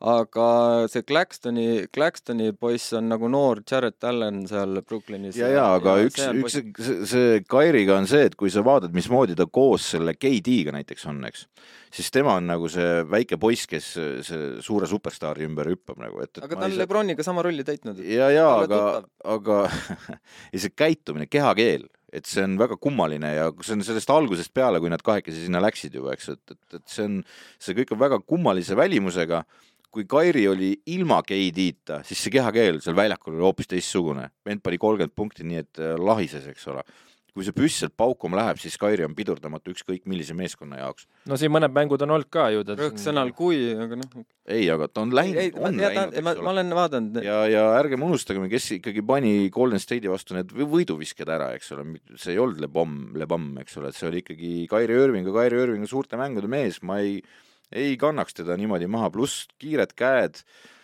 ma Nash on ka, ma ei, ma ei tea, minu jaoks on Nash võib-olla kõige suurem see küsimärk, sellepärast et tema peaks oma meeskonna seal liitma ja, ja mis ta siis peale hakkab ja kusjuures Aldrich, mis Aldrich minu jaoks ongi küsimärk Griffin ja Aldrich, et kui palju nemad saavad meeskonda aidata, et kui palju nendel tervis kannatab. ei, aga näiteks seesama Paxi mäng, millest me siin nagu oleme heietanud. seal ei olnud Aldrich. Aldrich ei, ei olnud üldse väljakulgi. et äh, see on nagu kindlad kümme punkti, mille sa jätsid just pingile. ja kümme lauda ka. jah, et äh, no Otto, rändi nüüd siis edasi, kui nõme on Kairi Irving. Ma ei taha enam rändida järgmises saates. sain oma, sain oma rändi peetud ja mina isiklikult arvan, et Nets on praeguseks üle haibitud, kuigi Durand on üks maailma parimaid mängijaid ja Durandi tõttu võivad nad saada teise raundi, aga mitte, ma arvan, et mitte kaugemale. no oot-oot, sa ütlesid juba, et nad pääsevad play-in'ist edasi ei no ma ütlesin, et see, ma ütlesin, jah, ma ütlen ka seda, et see on väga kahtlane, kas nad pääsevad play-in'ist edasi, aga Duranti tõttu on neil võimekus jõuda teise raundi ja see on ka minu, minu silmis kõik. nii, aga lähme edasi, võib-olla kuna me aeg on juba meil üle tiksunud, jätame võib-olla selle Warriorsi üldse järgmiseks saateks ja räägime natuke sellest äh, Henry Trellist Keeligas ja räägime ka sellest, et kuidas teie, Ardo ja, ja Henry juba, juba aegsasti valmistute NBA play-off'ide kommenteerimiseks, et kas te teete mingisuguseid erivalmistusi ka või tegelikult? Ramadan. Nagu... võtame ka Ramadani ette kohe kõik sama nagu põhijooajal. oota, aga räägime sellest trellist kõigepealt. Et no,. trell tegi ju Keiliga sama punktirekordi hiljuti. no nüüd ta on. palju see oli? see oli seitseteist punkti, no ütleme nii, et ta on saanud ennast mängima, ta on oma eh, miinimumprogrammi, ma ütlen, on täitnud, et seal oli oht ju see ka, et ta satub sinna tiimi ja ta ei saa üldse peale. et me siin vaatasime ka, otsisime välja, et niisugune treener tal on niisugune hästi jäsakas, niisugune lihastes mees, et et see ilmselt väga kurja pilguga teda vaatas, et kas sealt saab meest usaldada või mitte, usalduse on nagu teeninud meeskonnaga saab nagu tööd teha, tulevad aina paremad sooritused, nüüd küsimus ongi, et mis see järgmise hooaja jaoks, äh, mis, mis põhja see annab, eks ju? jah, minu jaoks kõige olulisem näitaja siiski on tema kaitsetöö olnud, et äh, ta on ikkagi, paneb koppa, püsivalt igas mängus laob äh, paar koppa ära ja, ja ei anna, noh, järeleandmatu nagu on olnud, et ta ikkagi mängib olukorrad lõpuni ja ei lase seal lõhkuma ikkagi vastaseid, et et see, millest me siin rääkisime, millest ka Otto rääkis, see musta mees nagu kes raiub teha tööd, eks ole, mitte ei passi seal ja oota nurgas, kuni ta ikka saab ära lahmata oma kolmeseid, vaid teeb tööd, tööd, tööd. et äh, seal võib küll nagu mingisugune iva olla ja ta on selle töö ära teinud ta mängib põhimõtteliselt, seda Otto saab parandada mind, aga oma seda draft report'i või scouting report'i mängib kokku praegu. ja, jah, jah, jah. E-, et muidu oleks seda ju kuskilt Euroopast otsitud kokku mingeid klippe, no olgem ausad, neid ei leita seal häid momente üles, kui sa ise neid ei pane kokku. et praegu selle hooaja momendi pealt vaadatakse teda järgmine aasta, et kas seda meest on meile vaja. ei, ei, ei, nad vaatavad seda see suvi, tal on viimane ja, võimalus no, see, see suvi, seda enam, et ameeriklased kindlasti ei vahi mingit Itaalia liiga no kes saadab sinna scout, scout, äh, Spurs saadab ei, no, skaudid on ikka, käivad ja teavad väga hästi, mis toimub, selles mõttes, et see, see võrgustik on nii hull, et selle eh, Henri, Henri ütles, et nagu miinimumprogramm on täidetud, noh, miinimumprogramm oli tegelikult juba noh, minu jaoks täidetud siis, kui ta seal hakkas neid eh, alguses minuteid saama niivõrd, niivõrd-kuivõrd aga ta on, ta on rotatsioonimängija, seda plokkide asja, seda ma ei tähtsustaks üle, sest et äh, ta ei ole mingi kuradi kopakunn.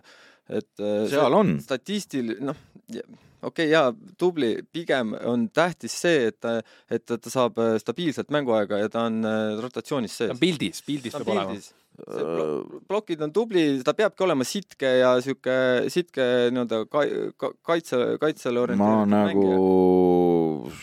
apelleerin selle, kuradi G-liiga minutid minu arust ei loe sul mitte midagi et äh, sul loeb see, mis, mis seal minutite taga on ikkagi. nojah, aga tema pikkuse puhul kümme plokki panna. rotatsioonimees G-liigas, keda huvitab mis sa teed seal G-liigas, on küsimus nagu. ja teine pool on ka see, et eh, mis mehi just on vaja meeskondadel, eks ju. jah, et seal on nüüd see küsimus, et eh, noh, esimese ringi valik vaevalt, see, see noh, ei saa olla. seal, no vot see draft, me vist natuke oleme puutunud, et esimesed viis on niisugune väga tihke nagu kooslus ja, ja siis ja. edasi läheb juba, ei oska üldse pakkuda no,. tegelikult ei ole esiviis ega ütleme, see esi kakskümmend on, on suhteliselt kindlad teadjad, et need vennad lähevad. jah, olen nõus sellega, olen nõus. okei okay., ma tõmban no, sellel nagu drafti, suuremad... ma tõmban teie sellel drafti asjal kohe pidurit, et noh, ärme nüüd hulluks mine, et pigem on see, et äh, kui mina oleks Henry Trell, äh, ma mängiks ühe hooaja kindlasti veel äh, C-liigas. ei, ei, ei, ei, ei, seal on viimane võimalus ennast üldse draft üles panna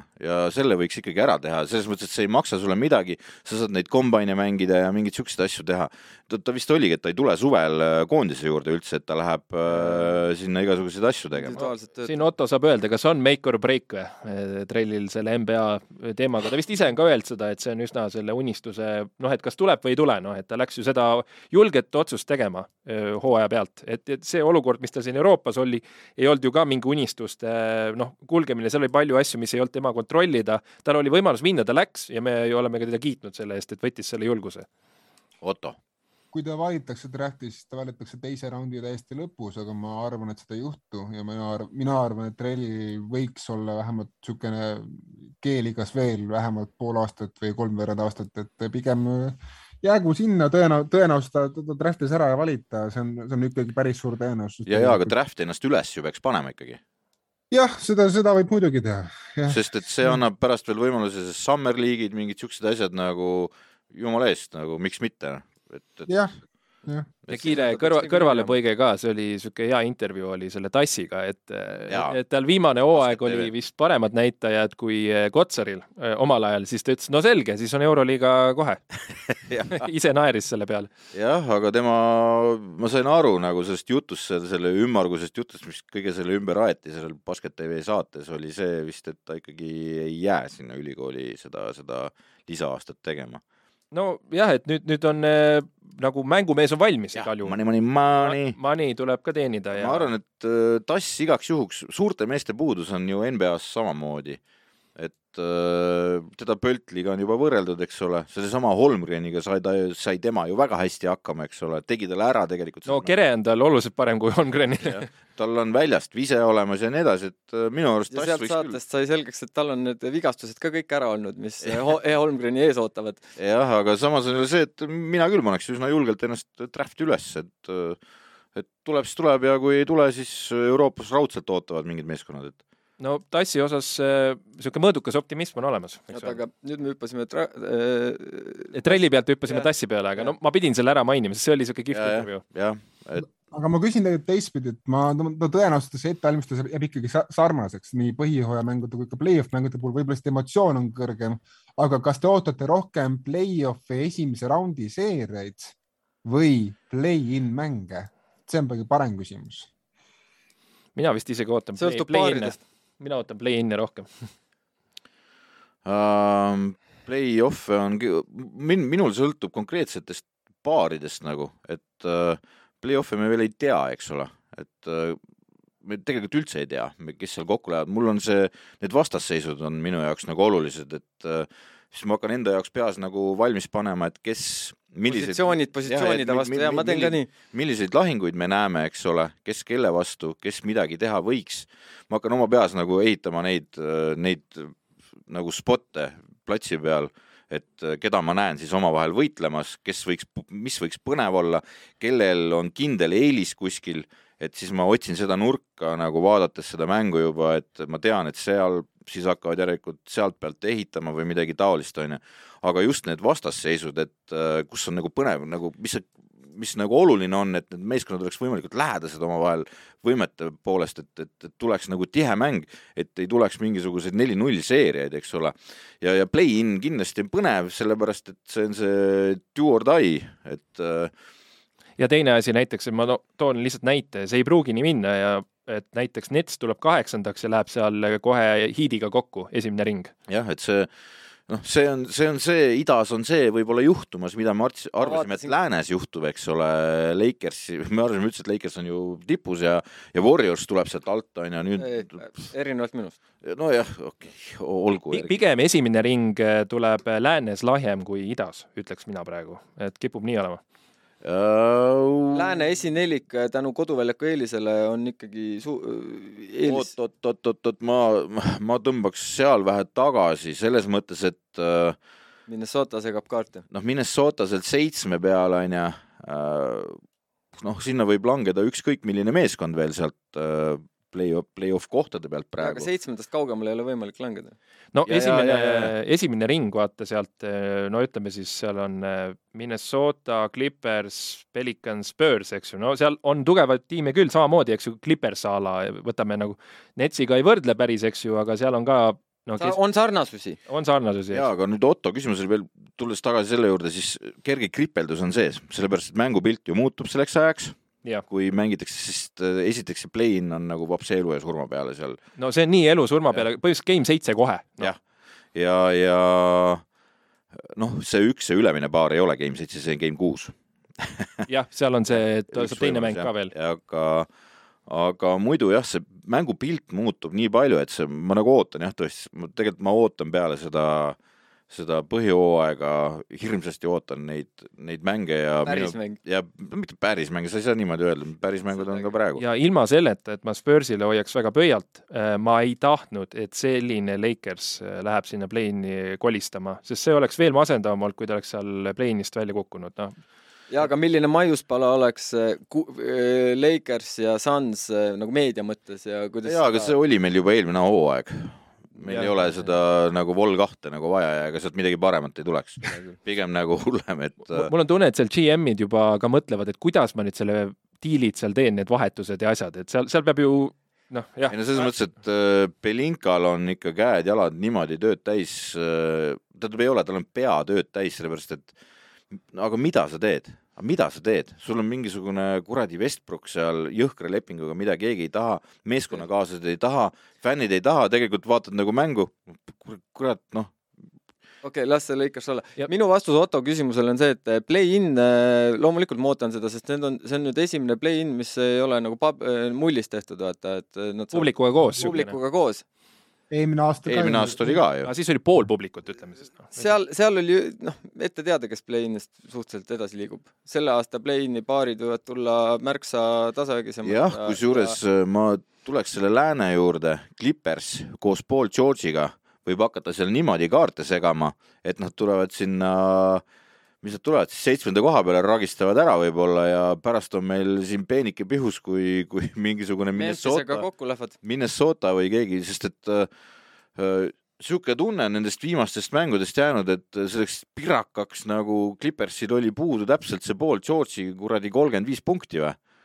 Et jõhker, mismoodi vend tagasi, me arutasime seda siin nüüd kas eelmisel korral, et mis siis, mismoodi tuleb Paul George tagasi, tuli, tuli nagu vana mees, noh, polekski ära käinud, noh käis poes õlle järgi vahepeal, ütles stopp ja püksid jalga ja pani kolmkümmend viis kohe. ma siia kiirelt ütlengi vahele, et äh, seitsmes, eks ju, Minnesota nelikümmend viis võitu, kolmkümmend neli kaotust, kolmkümmend üheksa võitu, nelikümmend kaotust, on kaheksandal kohal Clippers, vahe kuus mängu, aga kui sa paned Paul George'i sinna juurde yeah siis on kohe sassis kõik jah, jah, täpselt, noh, Kawai'd ei näe, see on nagu suur häda, eks ole.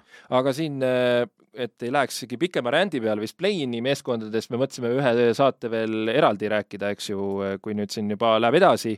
ja kindlasti, et ei unustaks, kirjutage ka meile oma mõtetest, mis te, mis teile täna meeldis ja mis ei meeldi, kuues viga, et gmail.com. sealt võib häid ideid tulla nii, aga Otto, on sul veel midagi ilusat öö, oma fännidele öelda, sest kõik vaatavad ainult seda saadet sinu pärast, me teame seda.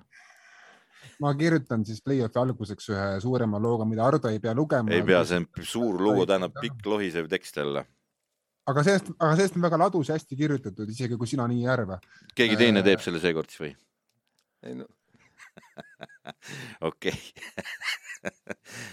selge, aga tõmbame otsad kokku. mul on ka veel üks asi okay. südamel, et äh, kui siin üks tore Eesti parim podcast Mängumehed, äh, parim peale meie muidugi, äh, rääkisid võimalikkusest, et Kotsar kuidagi Žalgirisse, siis ma olin nagu nii kohe nii elevil olid? ja, ja ma tabasin ennast mõtlemast, et see oleks nagu ideaalne lahendus ja särki-värki, et kui omal ajal Žalgiris Hanno Mötola võttis Žalgirisse, siis Kotsari kui see peaks, noh, see on nüüd mingi soovunelm või niisugune pehmeke, siis äh, absoluutselt see annaks väga suure impulsi siinsetele korvpallifännidele. no mis asja te räägite, see ei, ma, ma võin, ma võin selle asja kokku siduda selles mõttes, kui niisugune asi juhtub, siis see on äh, NBA-st järgmine asi, mis korvpalli sellele skeenele annab selle tõuke. ma mõtlen, äh, kuidas see rahvas hakkab selle kaasa elama. okei, see. millest sa räägid nagu, kui kui, kui Fenerbahce käis seal juba nokkimas, mis sa, mis sa arvad, kus kohas need NBA skaudid sinu arust istuvad siis? no sealsamas saalis. sealsamas samas saalis näevad neid samu mänge, teavad väga hästi, mis toimub ja tead, milline puudus on meil praegu suurtest meestest NBA-s.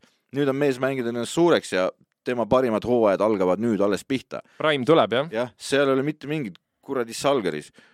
räägime no. siin Chicago Bullsi teisest tsentrist võib-olla anname väikestele meestele ka natuke lootust, et vaadake Youtube'ist Jose Alvarado vahet lõikud. ja, ja need stiilid, väga hea video oli NBA sellel Facebooki lehel ja see no, panin sinna gruppi ka, see oli ta super sai..., super mees, ta nagu ninja tuleb selja taga. sai ka lepi, ta sai ka nüüd tasustatud oma võitluslikkuse ja, ja ohv-, sitkuse eest, et. Ameerika Puerto Ricolane, vaatasin üle, et ta nimi on väga sihuke hispaaniapärane, aga Ameerika Puerto Ricolane. päris Carlos Arroyo ei ole, aga, aga sitke ja, ja sihuke noh, nahaalne tegelane tundub. Grand Theft Aldorado Alvar-, Grand Theft Alvarado oli selle mehe nimi. jaa, väga hästi. nii, aga kuule, aitab küll nüüd tänaseks. et laseme Otto sealt lastetoast lahti jälle ja lehvitame sinna kaamerasse. jõudu tööle, jõudu tööle Ottole ja lehvitame kaamerasse. tšau, Paka. tšau.